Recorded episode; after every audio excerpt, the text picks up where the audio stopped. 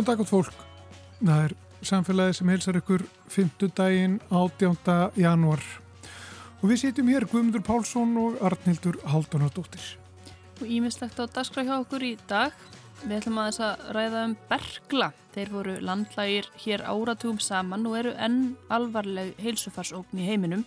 Erla Dóris Haldurstóttir, sagfræðingur og hjúknafræðingur rannsakar nú sögu bergla hér á landi og flutti erindi um það á læknadöfum í gær.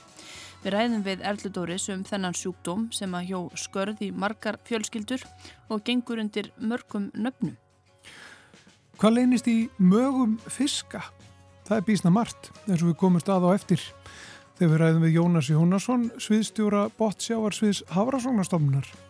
Nýlega tóku vísindamenn við stofnununa saman gögn og skýrslu um magainnihald og fæðu 36 tegunda botfiska á Íslandsmiðum frá árunum 1996 til 2023 og var alls skoðað í maga 590.000 botfiska á tímabilinu. Munir ekki um það? Nei, við kíkjum í fiskmaga á eftir. Svo tökum við fyrir neytendamálinn sem eru ímiskonar. Brynhildur Péturstóttir, framkvæmdastjóri neytendasamtökana, ræðir við okkur um skjáfíkn og hvernig má spórna við henni. En við byrjum á Berglum.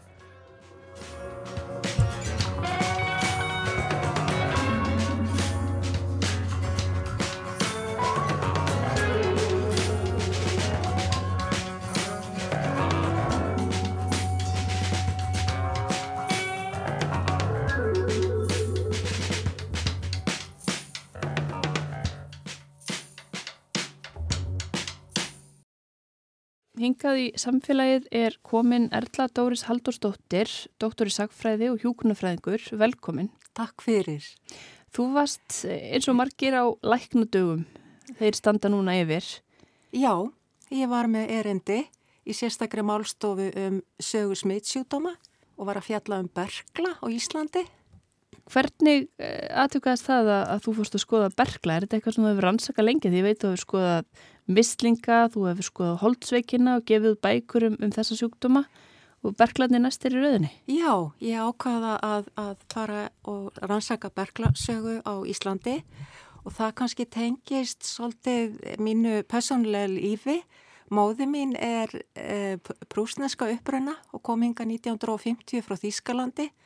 Þar var mjög mikið atvinnuleysi og hún sá í dagblöðum úti að það var verið auðlis eftir stafsfólki til að sinna uh, berglaveikum á heilsuhæluna Vífustöðum og hún kom hingað semst í júni 1950 og hún hefur ekkit farin eitt, hún er búin að vera hérna allan tíman. Já, og var að sinna þessu fólki þarna á Vífustöðum? Já, í tvö ár. Þar kynntist hún pappa mínum, hann átti berglaveikan bróður á hælinu og, og, og já, tveim áru síðan 1952 giftuði sig og hún hefur verið hérna síðan, liðið mjög vel.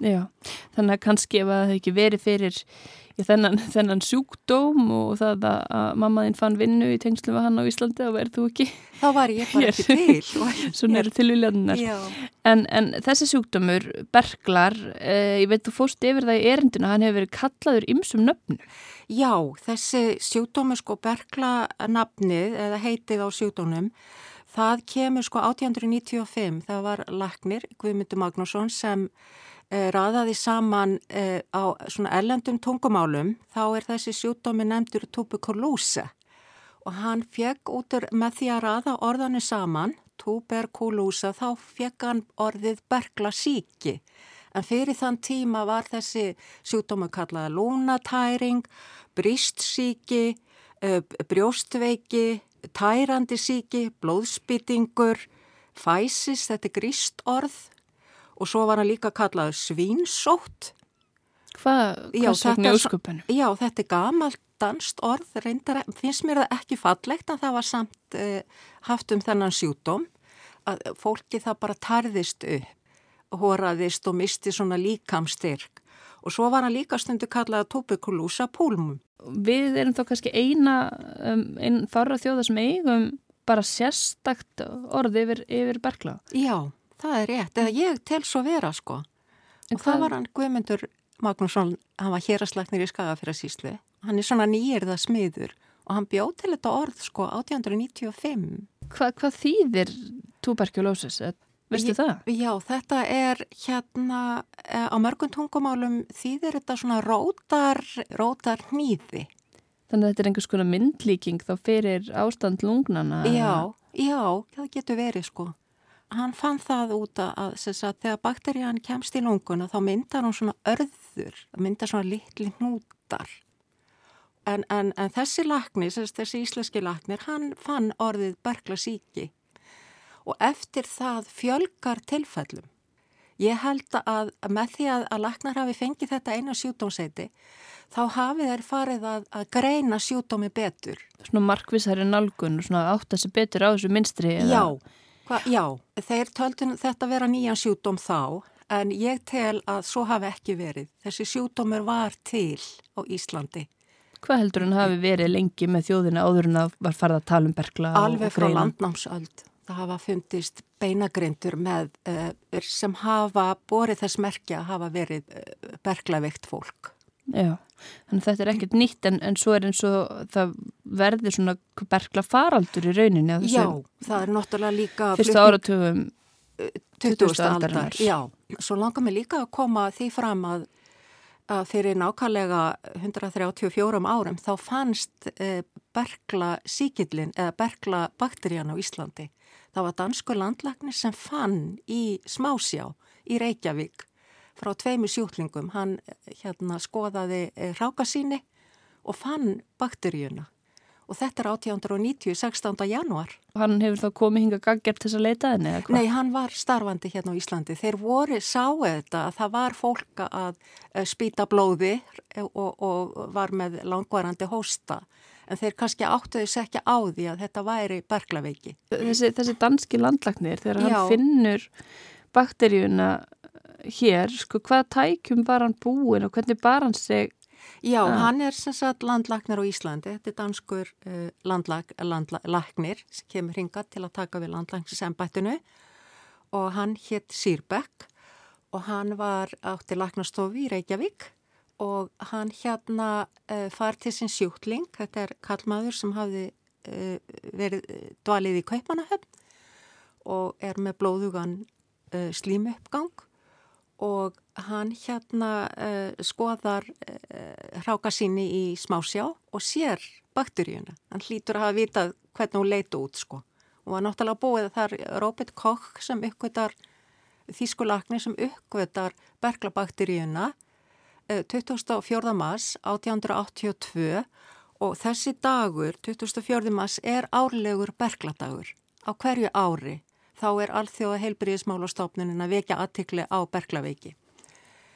Og hérna svo fær hann til sín annan sjútling, hann Sýrberglandlagnir, og það er annar kallmaður sem hafði uh, verið í mikillin ávist við þennan sem var að koma frá Kaupanöfn og hann greinist líka með uh, berglaveiki þetta er mjög smitandi sjúkdómur. Já, er þetta sko, nú erum við að tala um smit, stuðul og, og eins og mislingar eru rosalega smitandi, er, er þetta Nei, þetta er ekki eins og, og, og með, með veiruna, en, en þetta er samt uh, smitandi sjúkdómur.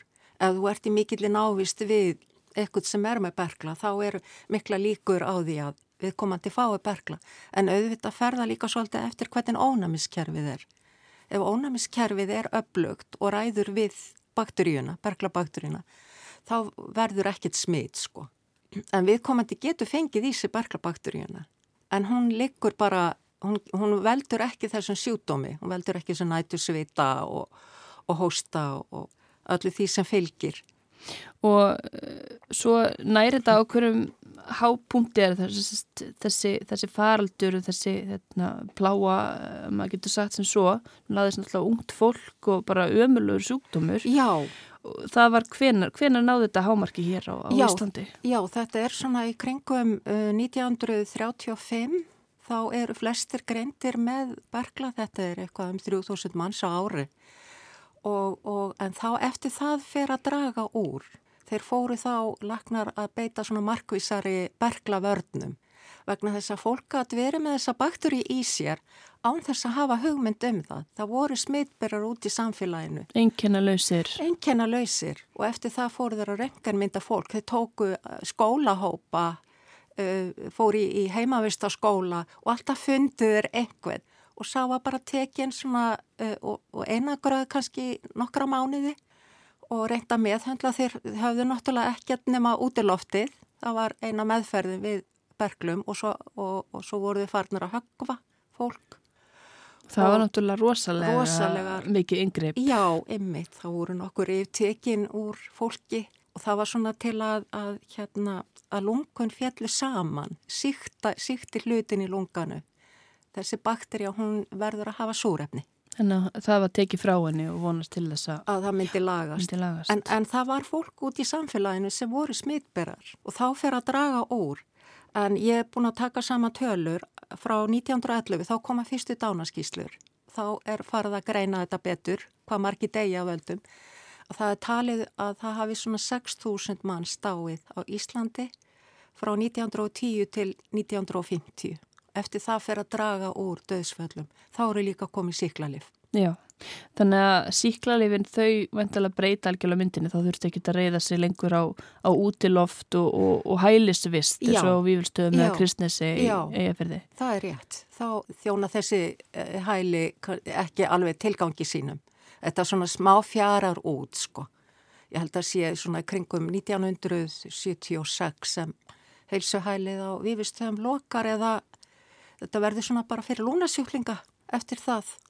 Og á þessum tíma berglarnir voru sko þessir sjúkdómar eins og þú hefur rannsakað holdsveikin og hún var í rauninu á sama tíma og þetta eru einhverju leiti líkir sjúkdómar þegar. Já. Og manni finnst þeir nú ekki kannski... Já, sko þeir valda líka svona hnútum. Það er hérna berglabakterían, hún veldur eða mynda svona örður eða litla hnúta í lunganu. Holdsveikibakterían, hún mynda líka hnúta en þetta er svona svipið, þetta er sami stopnin, það kallast mykobakterjum tuberkulósa sem er berglaveikin og svo mykobakterjum lebra og það er holdsveikibakterían. En það er bara með holdsveikisjúklinga, þeir voru einágraðir á holdsveikarspítalanum í lauganissi. Það voru sett lög, þeir Já. urðu að fara þar inn og búa þar allt sitt líf. Þannig það er náttúrulega, meitt, maður hugsaður um bara áhrifun sem þetta hefur haft á, á manneskjur, á, á fjölskyldur og, og bara samfélagi þessi, þessi nálgunum, þetta einangra fólk hvort sem voru berglasjúklingar eða holdsveikisjúklingar. Er... Já, hún er enda langvinnar, er hérna uh, holdsveikibakterían, þú gast borið þessa bakteríðir í 20 ár og svo komi enginn fram. Uh, þeir voru ekki eins margir sem dvöldu á uh, holdsveikaraspítalanum í lauganissi það voru um 200 manns. En berglasjúklingar voru mörg þúsund. Og þetta hjó í allar fjölskyldur á Íslandi. Þetta var ungt fólk, þetta voru unga mæður sem þurfti að fara frá börnunum sínum, feður, urði mörg börn munalauðs, þurfti að fara í fóstur og... Þessar sögum, þetta eru gerð góð skil á, á berglasögursafninu á, á Kristnesi. Það er mjög átakalegt að gangi gegnum það sapn en alveg þess verið að fara að skoða það. Já, það er svona verður þetta svolítið, maður átt að sjá því hvað áhrif þetta hafði á manneskutna. Sko. Já, og líka hvað þetta var ungt fólk, þetta voru unga konur, það voru lokaður inn á hælinni í marga mánuði, jáfnvel ár. Þetta er átakaleg saga. Finnst þér sko, höfum við, höf við lært eitthvað af þessu eða, eða var í rauninni verið að gera eins vel og hægt var á þessum, þessum tíma? Uh, það voru náttúrulega, það var engi lakning til en útiloftið að líkja úti allan daginn, það náttúrulega átt að styrkja sjúklingin. Þeir fengu góða fæður, næringaríka fæður, þeir voru feitaðir, það styrti þá í eitthvað tíma, þeir voru jáfnveil útskrifaðir frá heilsuhælun og vífustöðum og í kristnarsi líka. En svo komiðu kannski aftur. Hún tók sig upp aftur bakterían. Kannski lág í dvala og það á alveg eftir að skoða það uh, hvaða árangur varð af heilsuhælisvistinni og ég hef verið svolítið að skoða það. Hvað lifði þeir lengi á eftir? Það er ekki til neina tölur um það. Nei, þannig að þetta er eitthvað sem er hægt að rannsaka núna og kannski tilefnið til að kafa svolítið ofan í. Já, ég, ég, ég tel svo vera sko. Já berglarnir sko maður tengir þennan sjúkdóm við lungun en gatt berglabakterjan farið á eitthvað flakk eða vist öðruvísi? Já, gatt farið eða, eða hún gerir það, getur farið í öll í farin og það sem mér finnst kannski sláandi við þessa sögu það var sérstaklega heila berglabólgan og þetta voru þá lítil börn sem fengu uh, berglabakturinn í heilan og þau dói, ef, ef, ef það gerðist þá dóiðu bara innan fára daga. Það var engin lífsvon ef hún komst í heilan og það var töluvert mikið um þetta og hérna Já. á Íslandi Já. áður en síklarlefin komið. Og svo þegar síklarlefin koma uh, er það bara hægt að bjarga öllum sem að voru þarna með, með bergla voru á heilunum eða eða skiptið að mála hversu langt sjúkdómurum var gengin? Já, það skiptið máli vegna þess að fólk var bara mjög langt leitt af berglaveikinni að það var ekki hægt að bjarga þeim með síklarlífagjöfum sko. En, en það þarf að ná þessu svolítið snemma áður en þetta er búið að grassera. Grassera og... í mörga ár sko, já. En uh, maður heyri stundum að það eru grasserandi berglar víða um heim en þá, þó að stundur sér talað eins og það sé búið útrýma þessum, þessum sjúkdómi Alls, og, og það er meira að segja sko ítrekkað skilsmér sem að hefur komið upp hafa komið upp berglatilfelli hérna á Íslandi já. á undanförnum árum. Já, já. Getur hann sagt mér bara hvernig þessi sjúkdómi byrtist í dag bara um heiminn og líka hér? Já, það er, er náttúrulega kannski fátakkar í land sem glima við berglaveiki það er alveg talið sko að um þrjálf miljónum manna degja álega veldum bergla en svo er ekki hér sko. Það er, alveg, það er fylst með. En þessi sjúkdómur er að greinast hérna Já, hann er að greinast á hverju ári? Já, já, og, og hvernig, bara núna á síðasta ári. Hvernig, sko, í hvað farveg fer fólk þá, hvernig meðferð fær það og er, þarf það einangrassi, hvernig er í rauninni? Já, það fær sí, mjög öflög að síkla lífa meðferð það er hægt að lakna þennan sjúkdóm, hann er laknalegur og það þarf kannski að taka síklarlif í einhverja nokkra mánuði til að, að, að bakterían eh, sagt, eh, de, degi, eins og maður segir sko, hún vil ótrúlega lifa Jú, jú. Já, en, en hérna það er, eh, berglaveiki er laknalegu sjúkdómur og það á líka við um holdsveiki. Það eru bara notuð mjög öflug síklarlif. Og eftirlit Já, svo er fylst með viðkomandi. Vistu, veistu eitthvað hversu mörg tilfelli er að koma upp árlega hér? Eh, það eru nokkur. Bara á síðasta ári komið upp eitt tilfelli. Það er verið, alltaf verið að greina bergla. Já. Veiki. Ef að fólk fyrir að hóstu blóði eða eitthvað. Já, þá... og kannski langvarandi hósti, megurun, eh, slappleiki, nætursviti. Þeir eru alveg með sjúdómsgreiningu á, á berglaveiki og sko, þetta er ekki hættulegu sjúkdómur í dag allavega Nei. ekki ef að það er hægt að fá síkla liv, kannski Já. er hættulegur sjúkdómur í þeim löndum þar sem aðgengir er erfitt, en, en sko af því að þessi sjúkdómur er út í samfélaginu og einmitt það geta verið svona smittberar, enginalausir er einhver ástæð til þess að vera vakta betur eða að reyna að rannsaka hvort að ég til dæmis sé með bergla bakteríuna í mér að þess að vita það. Já, það er ekki nema þú viljir það sjálf en það, það er ekki bara, einhver verið að skima fyrir Nei, er ekki þörf á því. Þörf á því, nema bara ef viðkomandi hérna greinist með bergla þá er farið náttúrulega bara í þá sem hafa verið í mikillin návist við viðkomandi og það er þá bara fjölskyldan eða vinnufélagar Hvað með sko því nú er, er eh, fólk stressað yfir síklarlifinum og tengslega þetta síklarlifi og ónæmi Já, sko þetta er mikli árangur sem hefur náðust í, a, í að ná tökum á, á berglum Já. upplifur að hans sé í hættu? Út af þessu?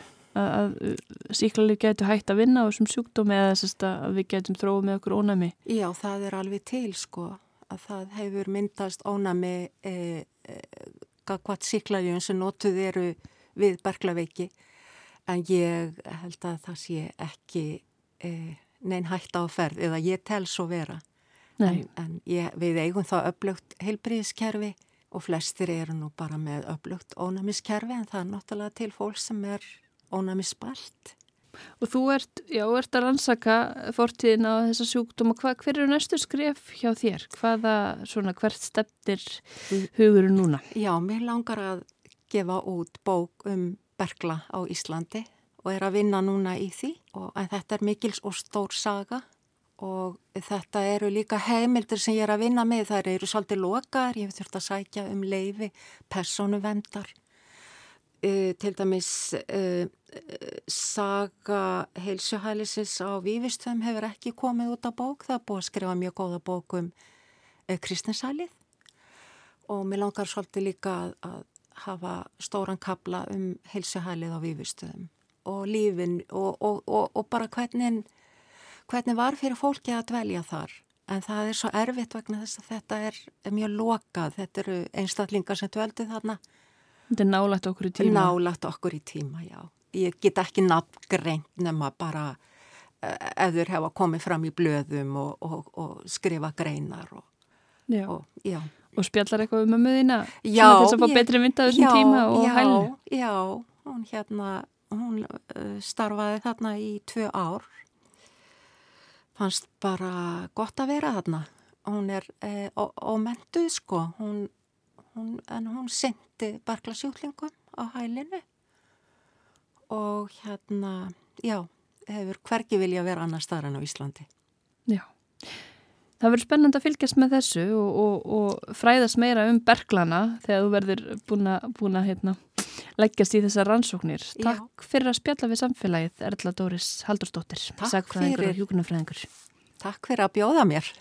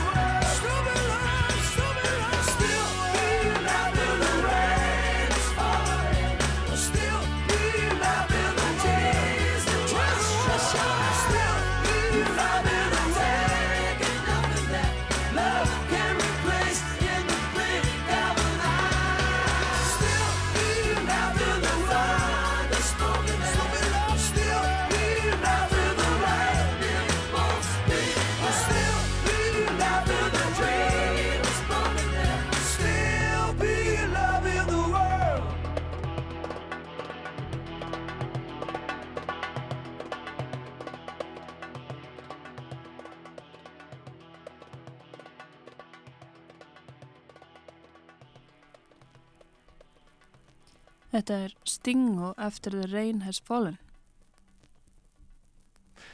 Ég siti hérna með Jónasi Jónasinni. Hann er uh, sviðstjóri bottsjáarsviðs Hársunarstofnunar og uh, Hársunarstofnun var að gefa út skýslu, ekki fyrstu skýsluna sem sústofnun gefur út, það eru ansimarkar og, og tíðar en þessi skýsla fjallar um fæðu botfiska við Ísland. Og hún er viða mikil og tekur yfir langt tímabil. Um, þetta eru sem sagt botfiskar á Íslandsmiðum frá, frá 1996 til 2023 og þarna var alls skoðað í maga 590.000 botfiska á þessu tímabili og það eru 36 tegundir sem að voru skoðar hana Jónas um, af hverju skiptir máli hvað leynist í mögum fiska?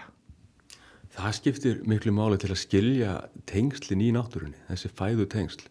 Og þetta er kannski, ef maður spóla tilbaka bara allir sem hafa veitt fisk, það er alltaf forunilegt að kíkja í magan, það segir svo margt sko, hvort þú ferði veiði sílung og kíkir á einhverja vatnaboppa eða eitthvað eða opna þorskin, að það leynist alltaf eitthvað, stundum er, er maginn tómur og stundum er, er hann fullur á fæðu og, og til þess að og við erum að framkama þetta til að fá svona skýrara mynd á þetta hver getur hvern, hvaða tegundir eru mikilvægastar í náttúrunni og, og til að fá, fá þessa hildarmynd sem er nöysilegt til að geta stýrt veiðum og nýtingu þessara mikilvæg nýttja tegunda á ábyrgan hátt og líka átt okkur á þau breytingu sem eru í gangi og hafa verið í gangi. Og er, er þá okkur breyting á því hvað fiskarnir eru að geta? ef þú tekur þessi tímabil, getur þú séð að það er ákveðin tímabil þar sem að er meira af einhverju og minna af eh, einhverju eða eh, sjáu þið þannig eh, svona einhvers konar munstur? Já, þetta er nú að tala um skýrsluna sem Jón Sólmunds og, og, og félagar mínur á Hafrásastofnunum voru, voru að gefa út og hún er ansið viðamikil og, og kannski nýmalið er er þetta tímabil, langa tímabil sem hún næri yfir. Við erum að tala um þetta frá 1996 og sjö og kannski má upp af, upp af þessar ártala reykja til að þarna er svo kallar haustral Hafrarssonstofnunar tekið í, í nótkun og, og þar eru við að toga á um 380 stöðum vitt og breytt á landgruninu og samanborið við, við okkar kannski hinstóra leiðangur sem er, er hérna marsrallið þar sem við erum að toga á um 580 stöðum að það er heldur lengra millir stöðvana í haustralli. Og þá gafst tími að því það er rosalega mikið að við erum að mæla og lengta mæla og taka kvarnir og við erum að vikta í mjög slíffæri og annað fiskum þetta og við erum að fara yfir ansi marga tegundir. Og til að mynda að staðaldri er um 140 tegundir held ég sem koma í haustrali og, og alls um 250 sem það kannski sest hérna ef við maður þessu tölu sirkari en, en það gafst aðeins meir, meira tækifæri til að skoða og, og, og gramsa í magan í haustrali og það er svona kannski upphafi á þessu en áður en auðvitað hafa menn frá alltaf öðli Bjarni Sæmins svona þeir sem byrði hérna hafa auðvitað verið að kíkja í maga og það hafi verið gerðar þó nokkuð stórar og viðamiklar fæðu aðtafanir áður Óláf Karfur Pálsson og, og aðri voru til að mynda með stóra konun hérna á 8. áratugnum en hérna eru við komið samfelda tímaserju af fæðu, þors, grálúðu, ísu og okkar helstu nýttja tegunda og við sjáum munstur á þessu tímabili. Til að mynda með þorskin að, að mikilvægast að kannski kom ekki, ekki óvart að mikilvægast að bráðin er loðanan.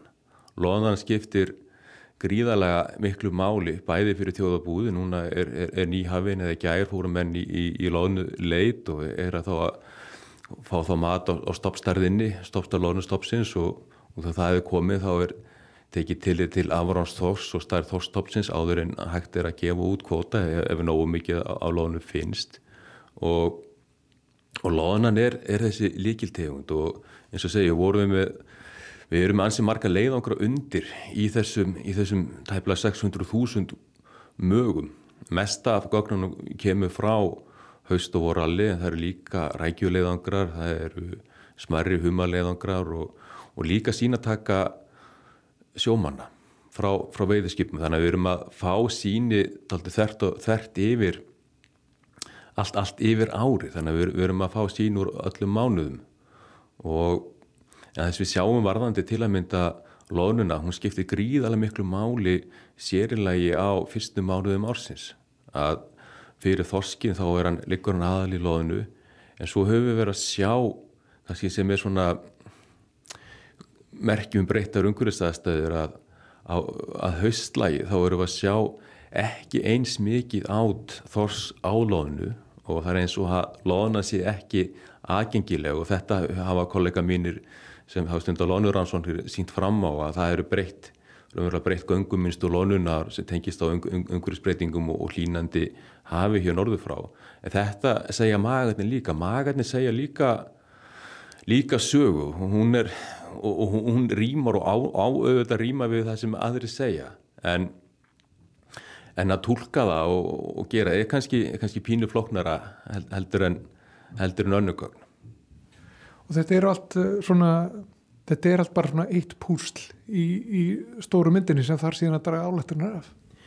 Já, og með því að taka svona saman og fyrir þessa tegundur, þannig erum við líka byrta upplýsingar um fæðu tegundar sem ekki byrt áður, gernitið, hvað borða gernitið til að mynda? Og, og hvað borða ímsar á okkur skötutegundum og, og, og brjósfisktegundum og kemur ljósa marga þeirra e, eru hérna lifa mikið á botlægum reglýsingjum og það kemur kannski ekki óvart, eru, eru, eru botlæga tegundir og sumar hverjir eru fiskjætur en ekkit allar.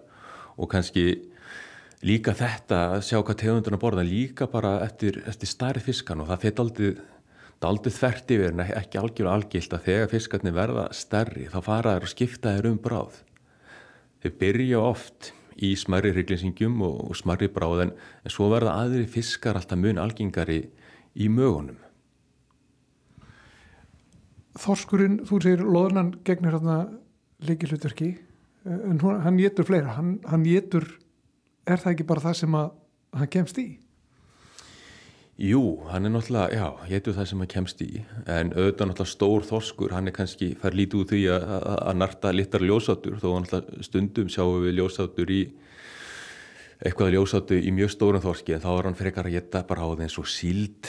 Og, og síld er kannski ekki svo algeng en hún skiptir tölvölu máli í, í þyngd. Og þá er það þá kannski í þessi starri, starri fiskóraka sem eru, eru þá að nærast á síldin en, en svo myndist ég á ljósátuna á þann og ljósátan er tegund sem reyndar eru um tala um kannski þrjár megin tegundi sem finnast í Ísland. Og, og ljósátuðu þá að finna bæði norður og, og söður á landinu. Og, og hún er gríðarlega mikilvæg fyrir þá yngri yngristi margar fiska, ufsi er, er líka í hann á fullu svona líka þegar hérna hann þegar verður aðeins starri líka. En, en ljósótan er svona kannski þessi líkil tegunda því að mikið af þessi fiskum sem fiskarnir, starri fiskar, bótsjófiskarnir er að borða eru þá ljósótan hefur þá nýst þá bráð fyrir íms, í ímsa uppsjóafiska líka. Kolmunna og aðra fiska sem eru að nærast á ljósótu og, og kannski tegundir eins og karfi þar sem ljósótan hefur verið með kannski mikilvægari bráð í í karfamögum þannig að þannig að það eru það kennir í ímissa grasa.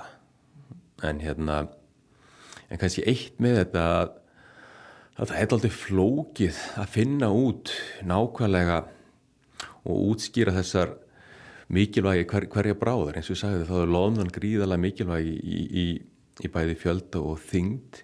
En svo er ímsa tegundur að því að smáar tegundir eins og hann áfram. Og hún meldist mjög hratt. Þú, þú kemur út á sjó og þú opnar fiskmagan og þú serði eitthvað í, í honum. Og auðvitað meldist það bara til dala hratt. En, en eftir því sem bráðin er smerri er líklega að hún sé orðin full meld og þú missir af henni. Þannig að sumategundir sem eru smerri eru þá kannski skipta þá meira, raun meira máli heldur en heldur en aðra tegundir. Og, og svo er þetta spurninginu um, um tíðni og og magn og þetta er tekið saman í þessari skýslu þar sem þessi þættir eru vegni saman og það er búin til, búin til stuðul sem kannski skýri betur mikilvægir hverja tegundur og útáldu út frá þessum þáttum. Hvernig fer þetta fram sko? Þetta er bókstala þannig að fiskur eru vittur hann er opnaður magin er tekin út og hann er opnaður og það er bara kíkt hvað er í maganum og þetta er gert 590.000 sinnum Svona, það er einfalda útskýringin. Það er einfalda útskýringin og, og kannski kemur þetta þá fyrir við að tala um, um mannskapin og, og hverjir hafa staðið á bakvið þetta. Bakvið þessa 590.000 fiska eru ansi margir starfsmenn okkar og, og allir þeir sem hafa farið í, í þessu röll hafa eiginlega komið að þessari, þessari fæði sínatöku hvort sem þeir eru að slá inn og, og meta og auðvitað er þetta mat líka. Fiskarnir eru mis, misvel meldir og fiskurinn er vel settur mæginni tekinn, ef sé ekki skorið í hann þá er hann sektur í sikti, hann er svona skólaður létt og svo fer þetta aldrei hvað þetta er mikið gums. Ef þetta er loðuna þá er þetta oft ansið mikið gums. Og þá þarf að telja hryggjaliði og, og, og meta, meta fjölda loðunar og stundum er fiskurinn algjörlega útróðan á loðunu og, og hann getur ekki meir. Og þá reynum að ná öllum fiskurinn sem er í og svo það líka passa upp á að því að stundum er fiskurinn að geta aðra fiska þegar hann er komin í trollið og, og þá sem ára átt fiska sem eru kannski lítið og ómeldir og þá eru átt litli karfi og svona ímsa tegundi sem, sem þvælast þá í, í magafiskana í trollinu og það þarf að taka þá frá. Þannig að þetta er, er tölver mikið þjálfun starfsmanna að gera þetta rétt. Og en svo er þetta líka að þetta er akkursvinna og við erum að fara yfir þetta allt. Þannig að á sjó gefst oft kannski minni tími til að greina einstakar tegundir og, og tölver stór hluti að þessu er eitthvað sem við kallum ógreindir fiskar. Og, og þegar við fáum síni til að mynda send frá sjómunum að þá fáum við þetta frist og getum greint þetta í landi og þá erum við að skoða hryggja liði og, og finna kvarnir og, og þá getum við kannski komið með fundið út hvaða tegundir var þar að finna út frá beinum og öðru sem, einhverju sem er orðið meld og þá er allt yfirbor orðið meld en við getum samt sagt til um hvaða, hvaða tegundir að ræða. En En þetta er tildurlega einfalt en það eru ansið marga tegundir sem geta leinst og við erum að greina þó þessari skýslu greinum við ekki frá öllum öllum þeim lífurum sem við erum að greina. Ofta er þetta greint sem botdýr eða, eða hreiklisingjar eða, eða, eða rækjur eða, krabbadýr. Það er náttúrulega að vera með yfirhópa á þessu. En það er náttúrulega greiningi býður upp á að fara í í einstakar tegund sæbjúgna eða einstakar tegund sæfífil sem er að finna. En, en en það er svona kannski í, þess, í svona, svona samantektum eru teknur ofti yfir flokkar af þessum lífurum En þegar að stórfiskur getur aðeins minni fisk og sáfiskur er búin að geta kannski enn minni fisk opnið alla þessa maga? Ef, ef þeir eru í þannig ástandið að þeir eru kannski ekki alveg full meldir og það er hægt að kíkja í, er hægt að kíkja í magana svona einn og öðru Það er reyndar ekki gert.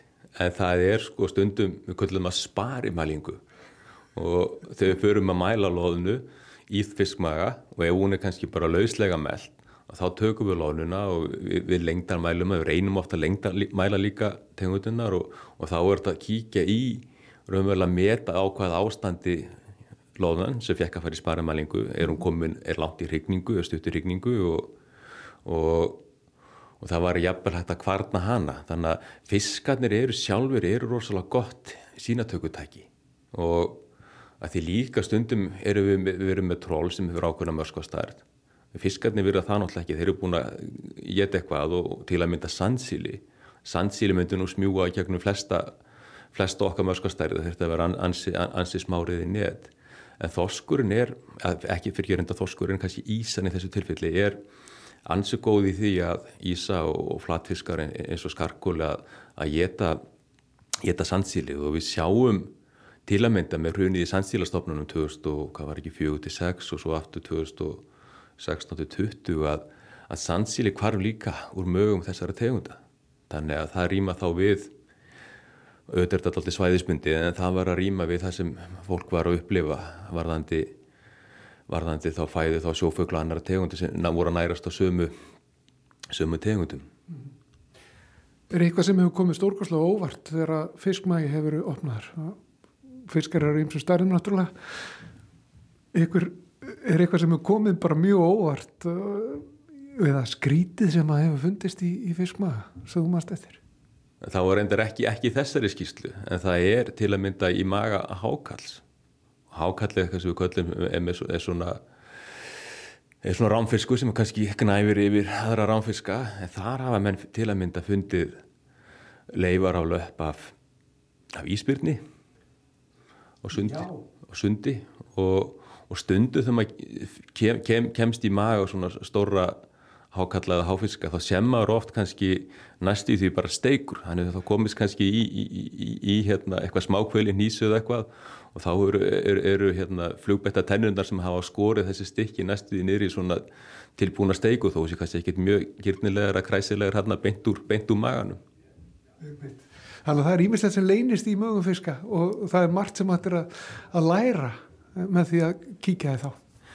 Klárlega og þetta, þessa niðurstu koma líka til með að hjálpa okkur og vera undist það fyrir stóru og mikil vist, vistkerfis líkun að því að þó við séum komin á öll gerfi greint og annað þá náttúrulega þarf að fóðra fóðra þessa greindir með einhverjum tölulegum upplýsingum og þær fáum við í þessum, úr þessum mögum og getur það spáð enn betur fyrir og reynda að herma þessi tiltölulega flóknu visskýra sem er að finna hér allt í kringum okkur í sjónum. Sko ljúka þessu svona, Jónas Jónasson, sviðstjóri Bott Sjáarsviðs, Hárssonastofnar.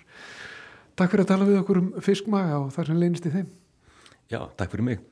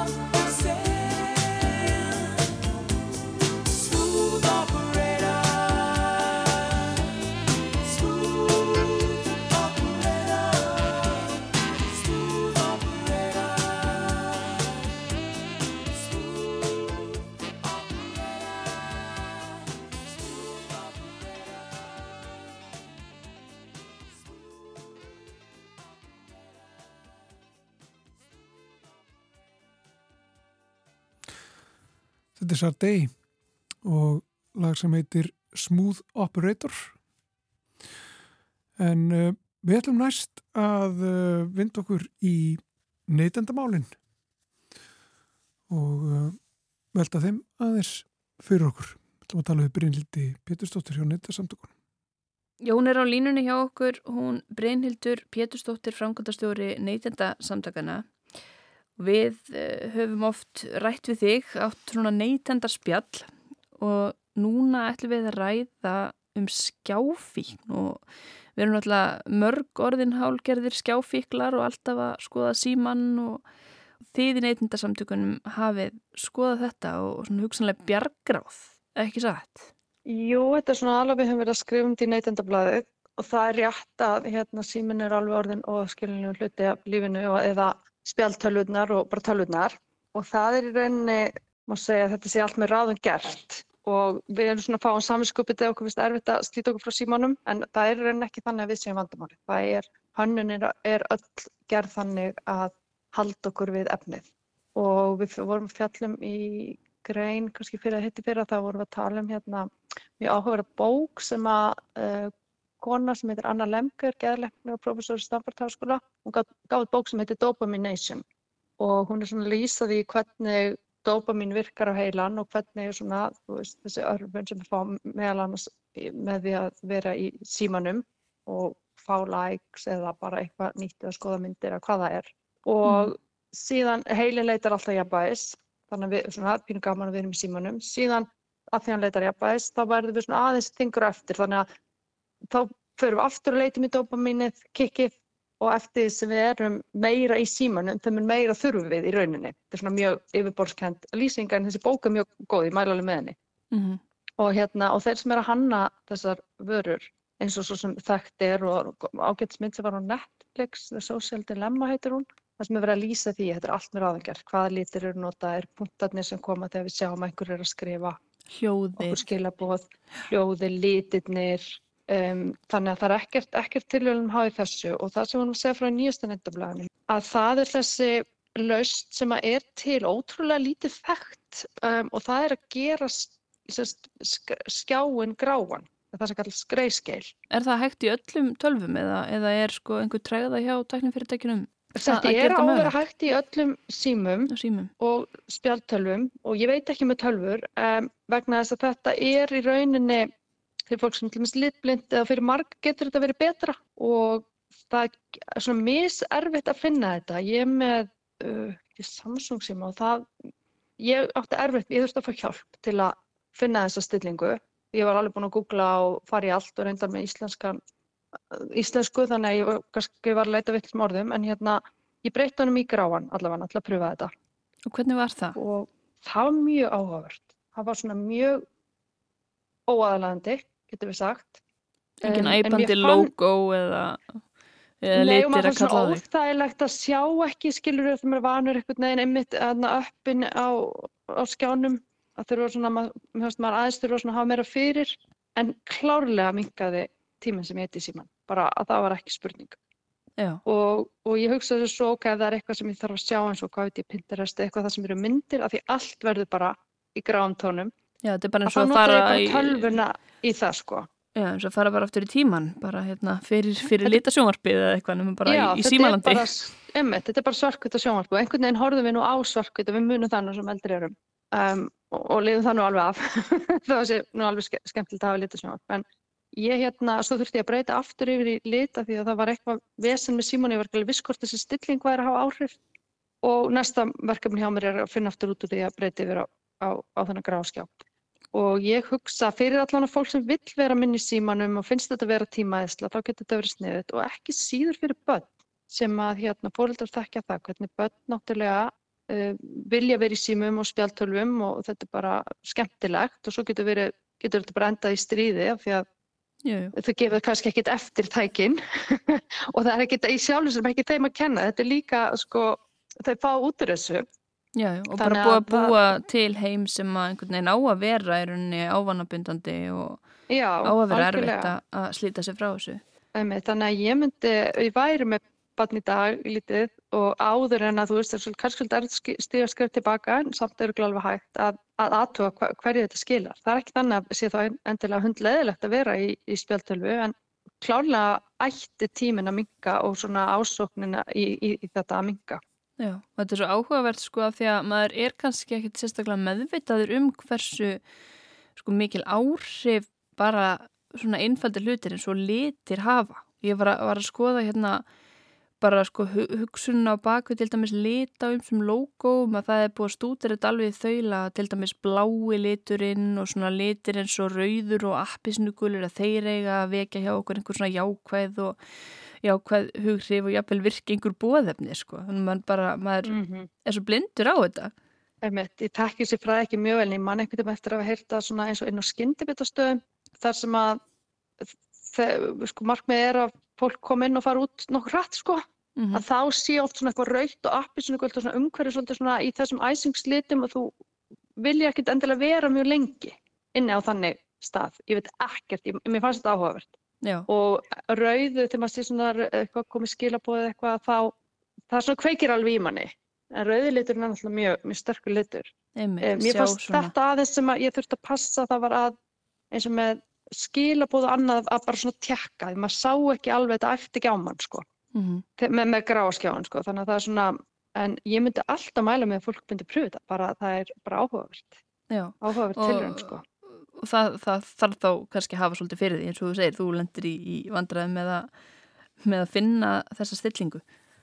Var óan erfitt fyrir mig en ég, ég, ég svo sem aðrir hafa pröfað þetta og það var þá aðeins einfaldara og það er að maður googla grayscale þá um, hérna, þá dukk upp alls konar upplýsingar hvernig síma áttu og hvernig, hvernig þú færð og hvernig þú gerir. Og ég sá líka var einhver síða, hún er hérna band, nei, australsk svona einhver, einhverja mömmu síða svona sem er fjallin um eitt og annað og hún var einmitt að, að benda á þetta fyrir börn, að þess að, eða benda öðrum fórildrum, benda fórildrum á að, hérna, að pröfa þetta ef að tölvu eða símanótkunn er komin út í vittlisögn sem að gerist mjög auðveldlega vegna þess að við eiginlega stundum áttum okkur ekki hvorki við nýja hvað þá með börnun okkar hvað, þetta, hvað fer mikil tími í uh, skjáin. Er einhver fleiri bjargráð sem að þið hafi verið að skoða í, í nefndasamtökunum heldur en að, að breyta uh, litnum á skjánum? Sko, uh, þú veist það er þetta eitthvað svona fylgjast með og eitthvað alls konar en ég myndi segja að þetta er langt sterkasta. Ég myndi bara segja að all hinn ráðin eru bara, þau, þau hjálpa ekkert mjög mikið. Engur er að fá sér snjall úr, nota snjallúrin að þá getur þau séð skilubóð, er þetta ringiði en þú getur öðrum á þessu samkvæmt ekki verið að skrolla eða skoða neitt Nei, á snjallúrinu en það er svona dýr, mjög dýrlausn reyndar. Já, ég sé fyrir mér sko að í framtíðinni þá verður kannski enn fleiri hindranir sem við getum valið einhvern veginn að leggja á leið okkar. Það verður til dæmis hægt að fá svona hægari síma og svona síma með pixlari mynd og óskýri. Nákvæmlega og margir er náttúrulega að fara, það, maður er bara þekkið mörg dæmi það að fólk hefur farið bara tilbaka í hérna gamla Nokia sem já, er ekki með skjá. Já, já, taka símanni bara. Já, þú þarf kannski bara síman og, og hérna svona SMS sko. Já.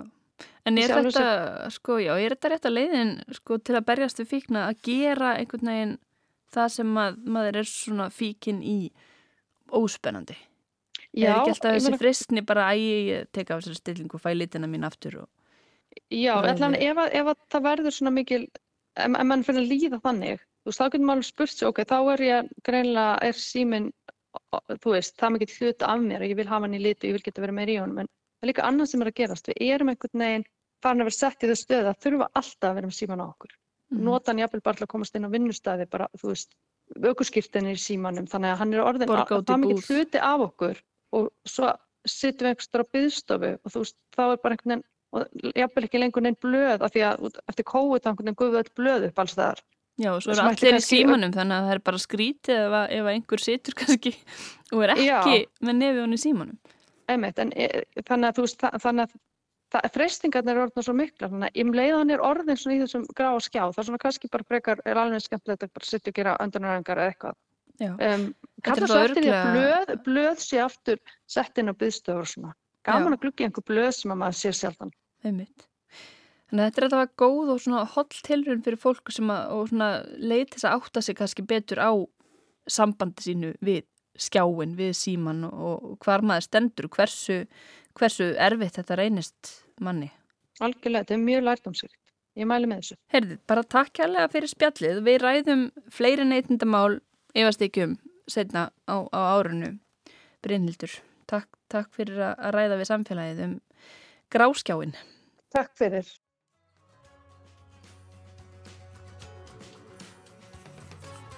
Þetta er Brynhildur Péturstóttir hjá neytenda samtökunum. Já. Hefur þú prófað gráskjá? Já, ég hef prófað það einu sinni og Já. eins og hún segir þetta verður bara rosalega óspennandi tæki, síminn, þegar allt er orðið svona mis, já, grátt. Já. Það er kannski, það er einleið. Já, Já. Ef maður treystir sér ekki bara til að hætta, alveg. já, það er svolítið erfitt í nútíma samfélagi. Mjög erfitt. En Já. það má reyna ímislegt. En það er í nútíma samfélagi og þetta samfélag Er nútíma samfélag? er nútíma samfélag. Útastátturinn samfélagið, hann verður ekki lengri þennan daginn. Nei, verðum hérna aftur á morgun. Við ætlum að fara út í samfélgina. Já, En uh, já, verður aftur á morgun að sjálfsögða á sama tíma, milli 1 og 2. Heyrust þá. verið sæl.